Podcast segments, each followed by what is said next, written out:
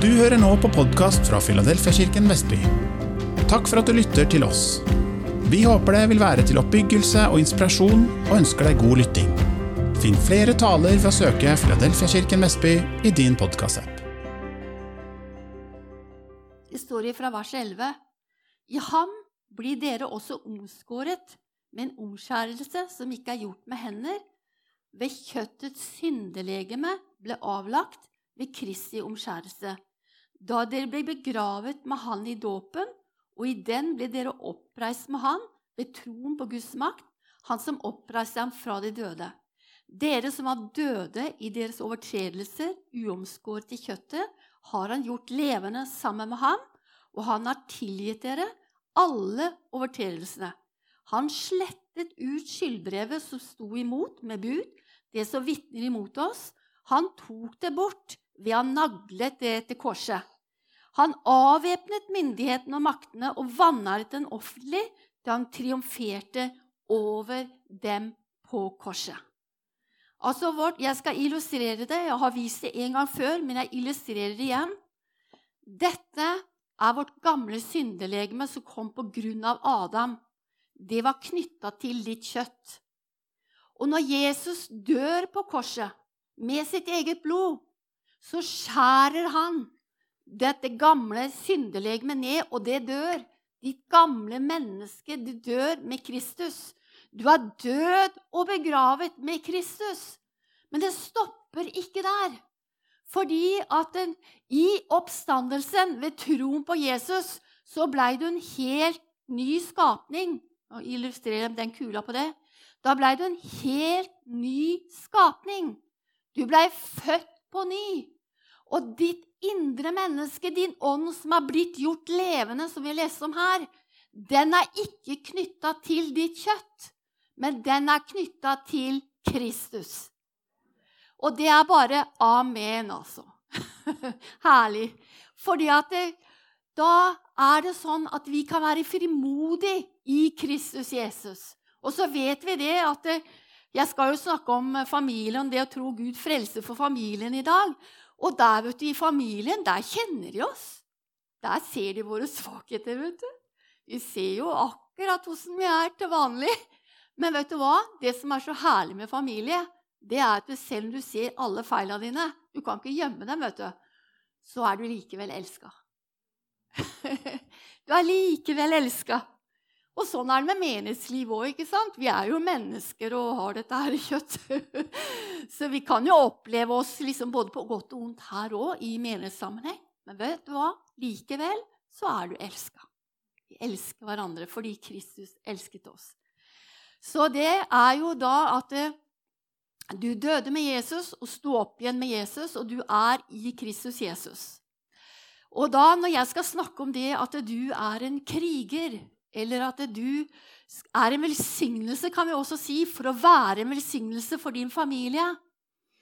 Så har jeg lyst til å bruke en, et gammeltestamentlig bilde. Jeg har lest om Abraham. vet du. Jeg er jo sånn Når jeg leser Bibelen, så går jeg inn i et tema og så leser jeg det om igjen, om igjen og om igjen. Og jeg har lest om Abrahams historie fra kapittel 12 til 25. Igjen og igjen og igjen. Om galaterne står det om Abraham. og ja, Jesus snakker om Abraham, og det er eh, i brevbrevet står det om Abraham og sånn. Og så er det sånn at det, Den hellige ånd da blinker ut noe. Og så kjenner jeg at dette, dette skal jeg bruke som et bilde på åndelig krigføring. Og da er det altså om Abraham. Og du vet at det er fantastisk å lese om Abraham. Det var jo Gud som utvalgte Abraham. Det var Gud som talte til Abraham og sa, 'Jeg skal, jeg skal, jeg skal.' 'Jeg skal velsigne deg. Jeg skal gi deg en sønn ut ifra ditt eget liv.' 'Og jeg skal gi deg landet.' Det var Gud som sa. Men Abraham han hadde en respons til det Gud sa, og det elsker jeg. For når, på, når jeg leste om Abraham Du vet at jeg har gått på søndag Jeg jo, var jo baby, jeg når jeg lå på møte første gangen. Jeg var så vidt kommet ut av mors mage før jeg var på møte. Så jeg har jo hørt alle disse historiene igjen og igjen og igjen. Og så tror du at du kan det. men når du virkelig leser, da, så ser du Ja, men her, her står det jo det! og så blir det på en måte en ny oppdagelse. Og, og det som med Abraham, så så jeg det at han hadde en respons på det Gud sa. Fordi at han bygde et alter flere ganger og lovpriste Herrens navn. Nydelig lovsang, forresten. Han lovpriste Herrens navn. Og så var det det at Abraham han hørte fra Gud, det har vi snakka om nå. Og så hadde han samtale med Gud. Han hadde dialog med Gud. Og så står det, det at han hadde syner. Han fikk profetier. Han opplevde å være i forbund med Gud. Gav han et løftesforbund, som vi kaller det. Abrahams løftesforbund. Han hadde en relasjon med Gud. Han kjente Gud. Han visste hvem Gud var, akkurat som deg og meg. Vi vet hvem vi tror på. Vi vet hvem som er vår kilde. Og det er den allmektige Gud, som har all makt i himmel og på jord. Og det er det at vi vet hvem vi tror på. Og det var noe av utgangspunktet for denne historien vi skal fordype oss i dag. Og det er kapittel 14 i første Mosebok. Så står det at det var jo eh, masse konger på den tiden. og Det var fem konger mot fire konger. Og, og så står det det at eh, disse kongene ja, Først må jeg jo si, for det er jo familien vi skal snakke om, da. Du vet at jeg lever inni denne fortellingen, og så glemmer jeg at dere ikke helt har vært der, kanskje. Så jeg må jo fortelle da at Abraham han hadde en brorsønn som het Lot, med kone og barn, som bodde i Sodoma. Så det var familien da til, til Abraham. Og så står det her i eh, kapittel 14 at eh, disse kongene gikk til krig mot Sodoma, der hvor Lot, brorsønnen til Abrahams familie, bodde. Og så står det at eh, de ble tatt til fange, tok alt matforråd og alt som var. Og, eh, og da Abraham hørte det, så står det i vers 14 Da Abraham fikk høre at hans brorsønn var tatt til fange, væpnet han sine 318 veltrente tjenere det var liksom ikke en liten familie han og Abraham hadde. da. Når han hadde 318 veltrente tjenere som var født i hans hus og jagde kongene på flukt helt til dagen. Han delte styrkene sine og gikk mot dem på natten. Han og tjenerne hans slo dem og jagde dem på flukt helt til Hoba, som ligger nord for Damaskus. Så kom han tilbake med alt som var av verdi, og han hadde med seg sin brorsønn Lot og alt han eide, sammen med kvinnene og resten av folket.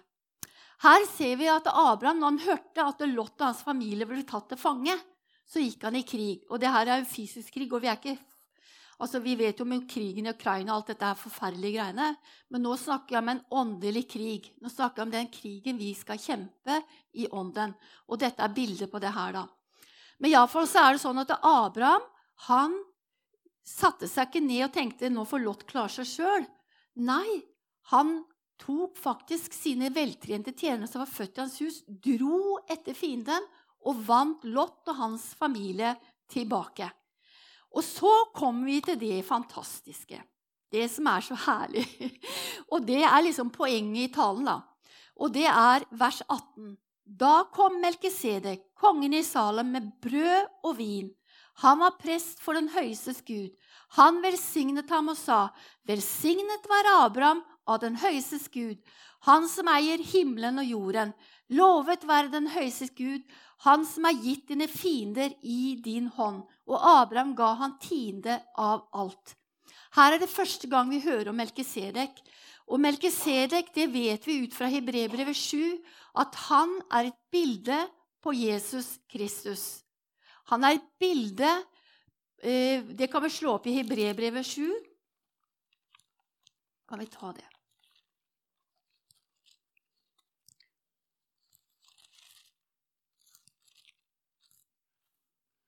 For du skjønner, Abraham her stadfesta Gud denne handlingen som Abraham gjorde, hvor han gikk i krig imot denne kongene for å få Lot fri. Og da var det at det kom med brød og vin, og vi vet at det er frampek mot korset. Det viser til brød og vinen. Også brødet er Jesu legeme som ble knust på Golgata.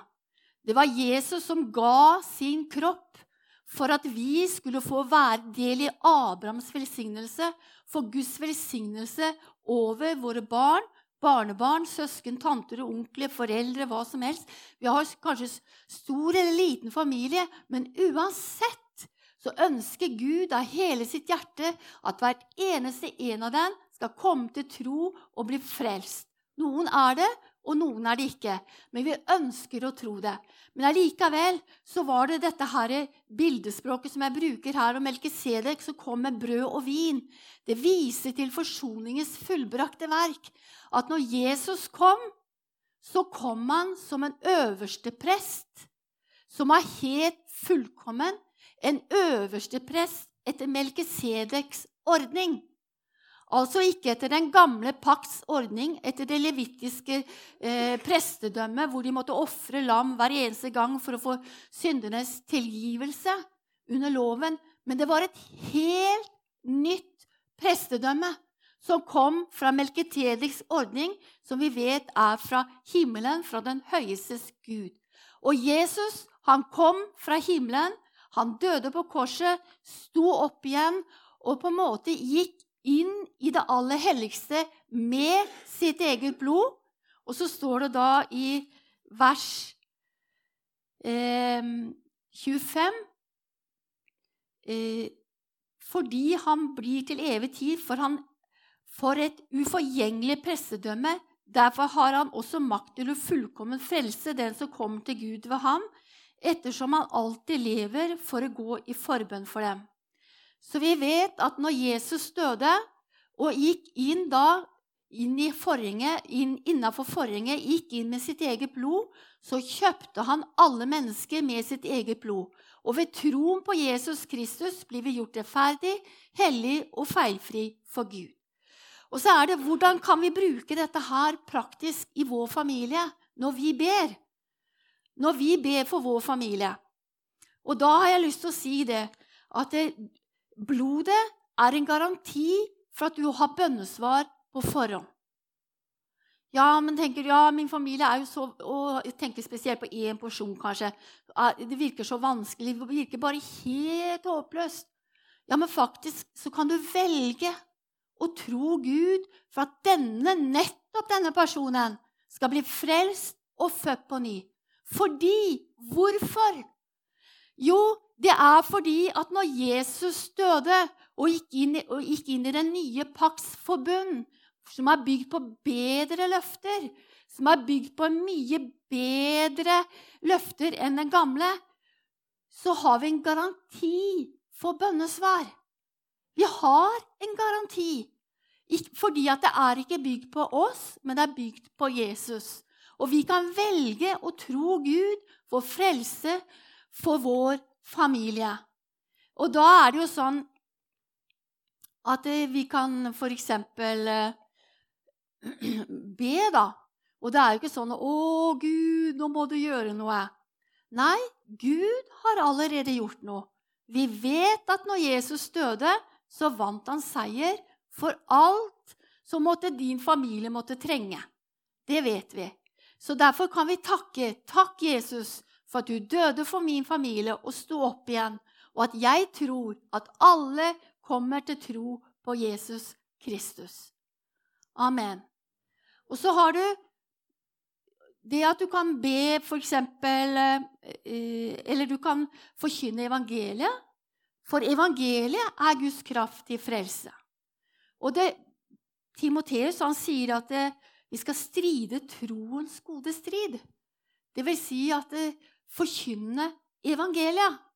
Og det er at det, evangeliet er Guds kraft til frelse for hver den som tror. Så når vi overleverer evangeliet, så kommer de til tro på Jesus. Jeg har en i, i vår familie ganske nær som ikke er troende. Og det har virka liksom sånn Litt sånn stengt, kan du si. Og jeg og Knut Arne vi ber, vet du. Så ber vi, kjære Gud, må du sende noen kristne på arbeidsplassen. og vi tror og takker deg for at han skal velge å ta imot Jesus. Og vi har fått forkynt evangeliet for ham og sånn. Og vet du hva? Plutselig her og da så viser det seg det at hans beste kamerat var troende døpt og leste sin bibel. Hadde ikke peiling. Og da tenker jeg ja, Gud er på ferde. Han jobber 24-7. For du skjønner, Gud ønsker mer enn deg og meg. Vi er jo veldig glad i vår familie. Så vi ønsker veldig at de skal komme til tro på Jesus Kristus. Men Gud ønsker det enda mer. Bare tenk på denne lignelsen om hundre sauene og den ene som var borte. Og denne hyrden gikk ut for å leite etter den ene som var fortapt. Og så står det at når han fant den, så løftet han den opp, la ham på sine skuldre og bar han hjem. Og så hadde de fest og gledet seg, og da sier Jesus at det er stor glede i himmelen over en synder som omvender seg og kommer til tro på Jesus. Du skjønner, Guds hjerte, Jesu hjerte, jobber 24-7 for din familie. Og så vet jeg det at kanskje noen sitter her og eh, kanskje har opplevd litt sånn ting at du lurer på Blei han egentlig frelst, eller blei han ikke frelst? Liksom, kanskje du har en sånn frykt, da. Og da har jeg bare lyst til å si til deg at det, at det eneste trøsten og kilden du kan ha, å finne trygghet, det er i relasjon med din Gud. Forstå at Gud elsker deg, og at han kan trøste deg akkurat i den situasjonen du er. Så det også er sagt. Det var jo I går så var det vel noe sånn dag for eh, selvmordgreier. Og det er jo mange ting som skjer også blant oss kristne. Men jeg bare vet at jeg tror på en Gud som ønsker at våre barn, barnebarn, familie og alt skal komme til tro på Jesus. Det er hans hjerte. Men når du kanskje er i, liksom, i frykt eller sånn, så kan Gud komme med trøst og oppmuntring. Bare så det er sagt. Men Gud ønsker at vi skal velge å tro Gud for frelse for våre barn. Og det er jo Du vet at det, det står i Timoteus at en stridsmann blander seg ikke inn i dagliglivets sysler. Eh, og det, jo, det hender jo, jo, Vi lever jo normalt liv. ikke sant? Vi er jo på jobb og sånn. Ja, nå, akkurat nå er jeg hjemme, da, men, men er, du har en plan for dagen. ikke sant? Du kjenner at 'dette skal jeg gjøre' og er veldig fokus. 'Dette skal jeg gjøre'. Men så er det akkurat som Den hellige ånd bare kommer vet du, og snur opp ned på hele greia. Litt sånn motstand kanskje i kjøttet, men så, når du er lydig og bare gjør det, så er det akkurat en timing for å møte den personen overlevere noen ting. Og annen, et annet våpen du har, det er åndens gaver. Nå har jeg snakka om det å be, og så har jeg snakka om det med å gi Guds ord og gi evangeliet. Men så også, har vi også åndens gaver. Jeg tror på åndens gaver når vi er sammen som Guds forsamling. Jeg tror på åndens gaver når vi er i, i grupper og fellesskap og sånn. Men jeg har også tro på å bruke åndens gaver i det vanlige livet. Når vi møter mennesker, og spesielt din familie. Kanskje du faktisk får noe fra Gud. Det er ikke sikkert du alltid tenkte at det var fra Gud heller. noen ganger. Men våge å flyte i åndens gaver. For det har du. Det er gave helt gratis til deg. Så du kan velge kanskje få kunnskapsord, visdomsord, profeti. Og det er veldig kraft i det profetiske ordet. Ikke undervurder det. Det er et veldig sterkt våpen i Jesu navn så står det om Abraham at eh, han gikk etter, han satte etter for å vinne Lot og hans familie tilbake. Og det er det vi gjør også. Eh, nå er det sånn at eh, vår familie har jo, eller vår, den personen det måtte gjelde, har en fri vilje. Ingen kan tvinge noen inn i Guds rike. Alle har en fri vilje til å velge. Eh, men det er egentlig litt en halvsannhet. For at Bibelen sier veldig tydelig og klart at de som ikke er født på ny, de er under innflytelse av det mørke. Av ondskapens ånde her. De er under innflytelse, påvirkning av det onde. Og Djevelen han opererer gjennom mennesker, men så vet vi at vi har en kraft i Jesu navn. Vi har autoritet, en garanti på grunn av blodet. Så vi kan si, når vi merker at kanskje våre barn går i feil retning, drar litt og gjør litt sånn og sånn, og kjenner at det her er ikke bra, så kan du si 'Stopp, Satan, i Jesu navn'. Jeg tillater det ikke. Og så ferdig med det. Du bør ikke holde på i timevis, for at det er kraft i Jesu navnet. Det fins en kraft. Du kan bare si 'stopp' i Jesu navn. Og så bare takke og proklamere for at de tilhører Jesus Kristus.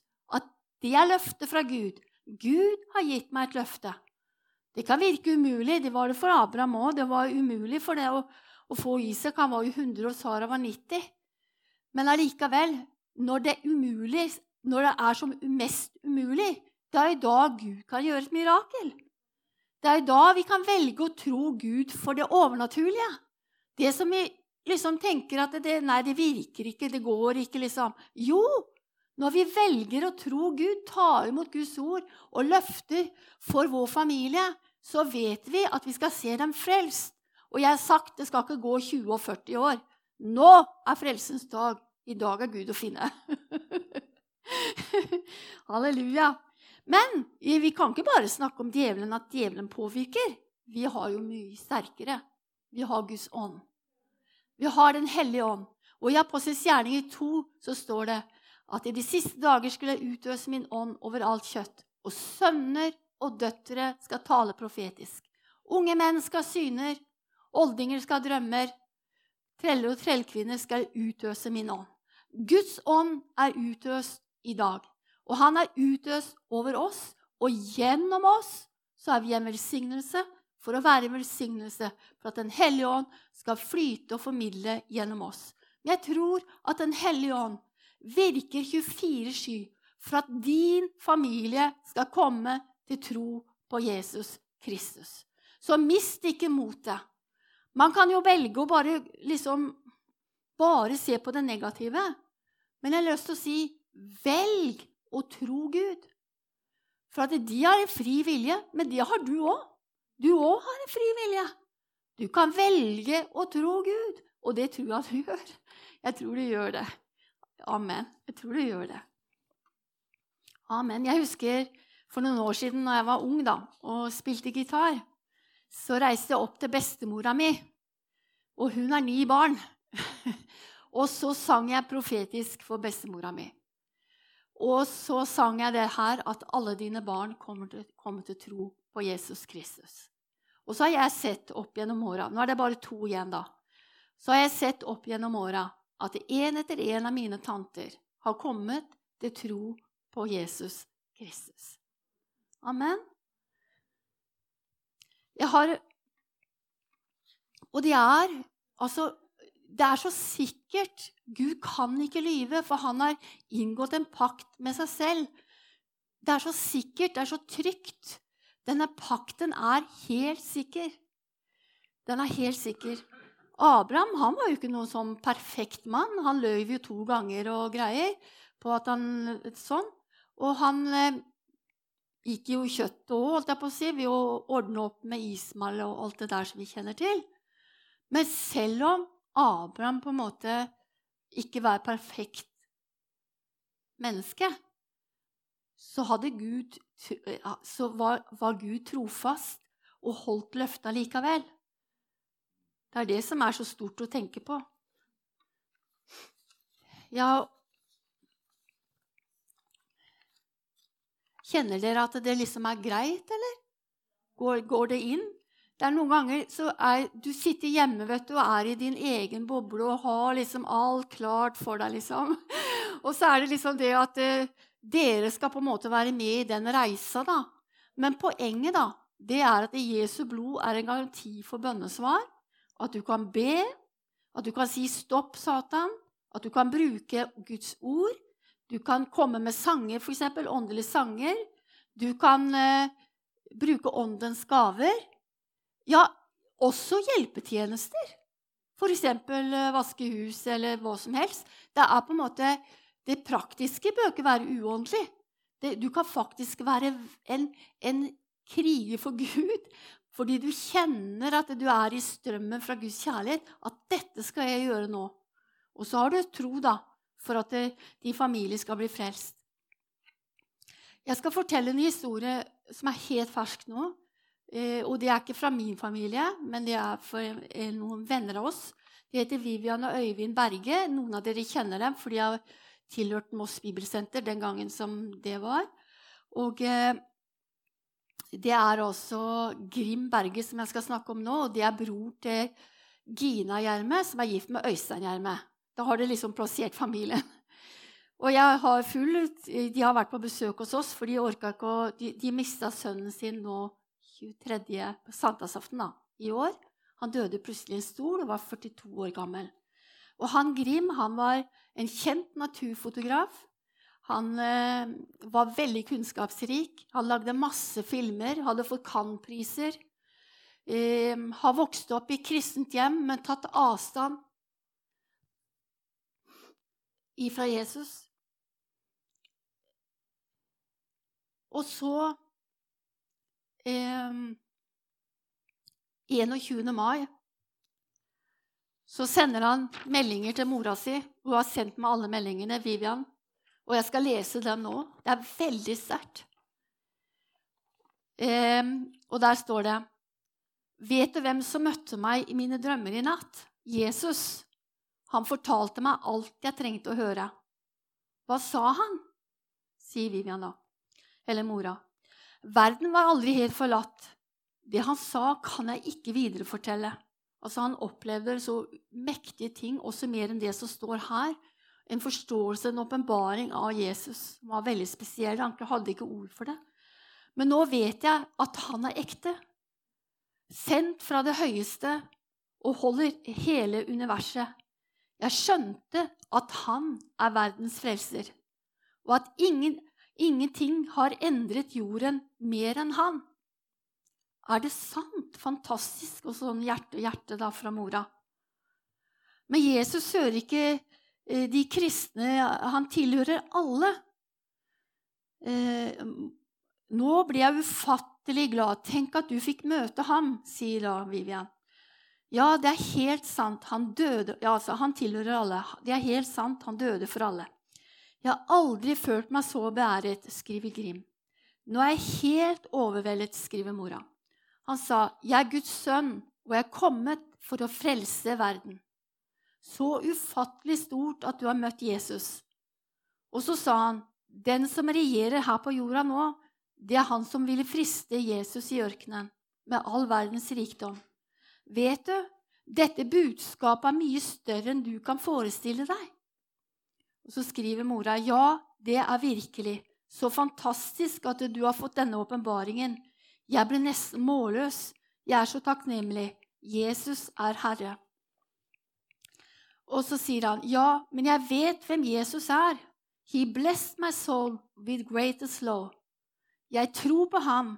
Jeg har akseptert han som min frelser. Det her skriver han 21. mai, og så dør han også sankthansaften. Nå tror jeg ikke det er Guds vilje at unge mennesker skal dø, men allikevel så syns jeg at dette her er en veldig sterkt vitnesbyrd på at Gud virkelig hører mor og fars bønn, eller hører våre bønner, når vi ber som troende.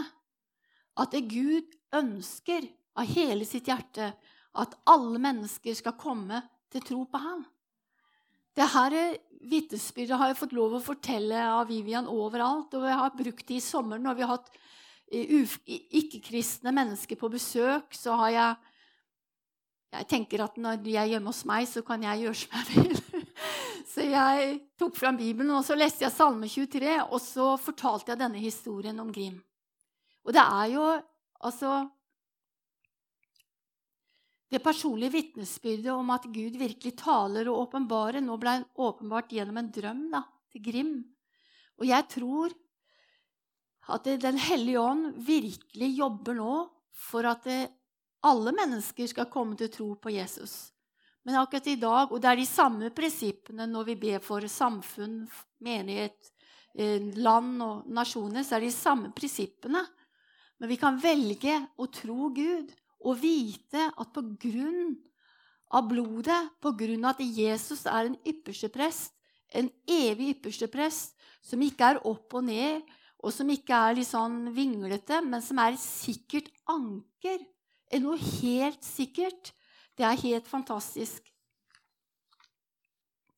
Det er jo flere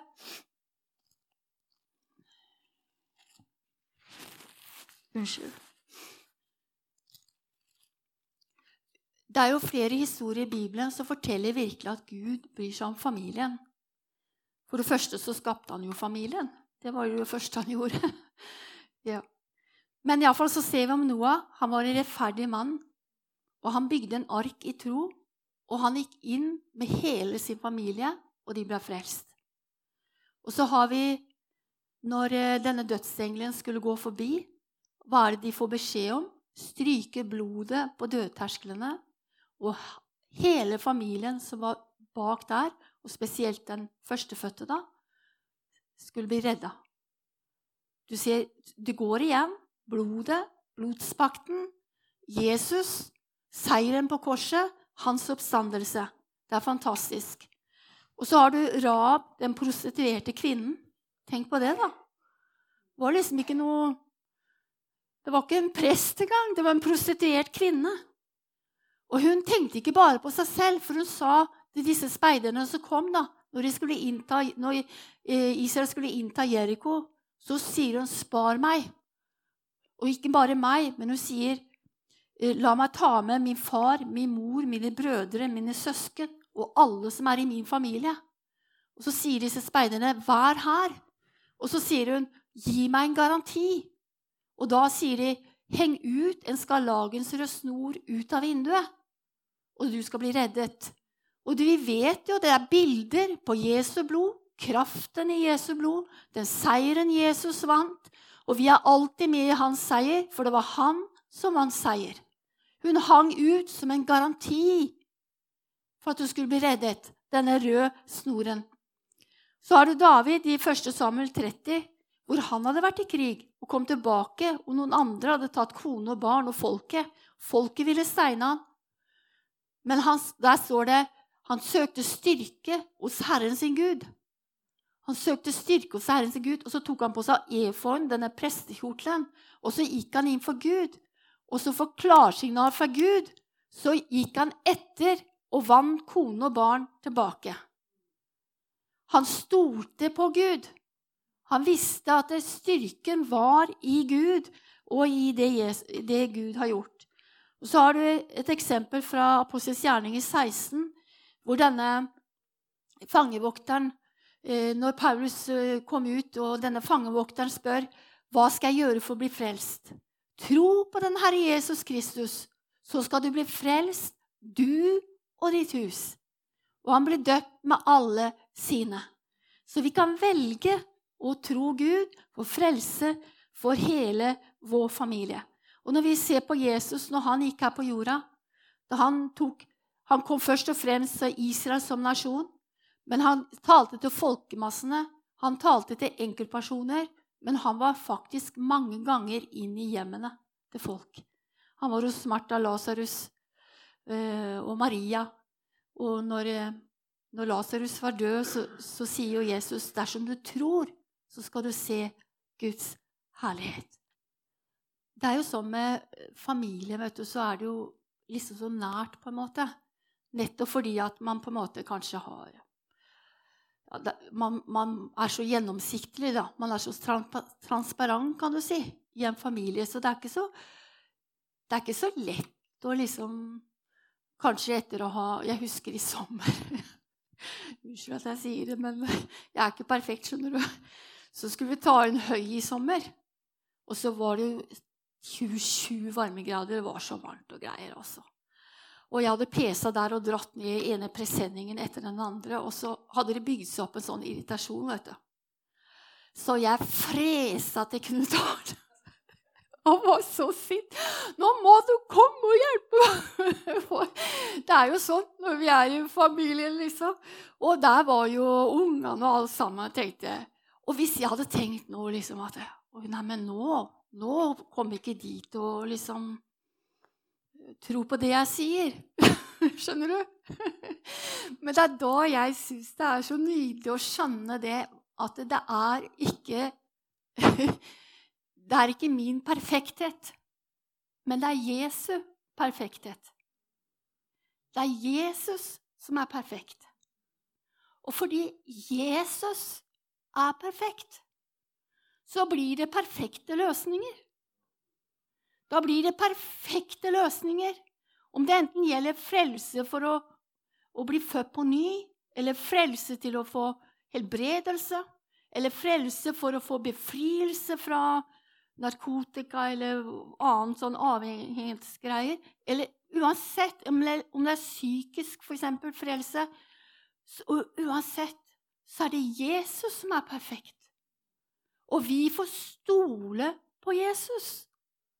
Vi får stole på hans tro, Kristus i oss. Og det er det som er befriende eh, når det gjelder For jeg, vil kalle det aktiv hvile. For du hviler liksom i forsoningens fullbrakte verk, samtidig som du må er salvet av Gud, står det.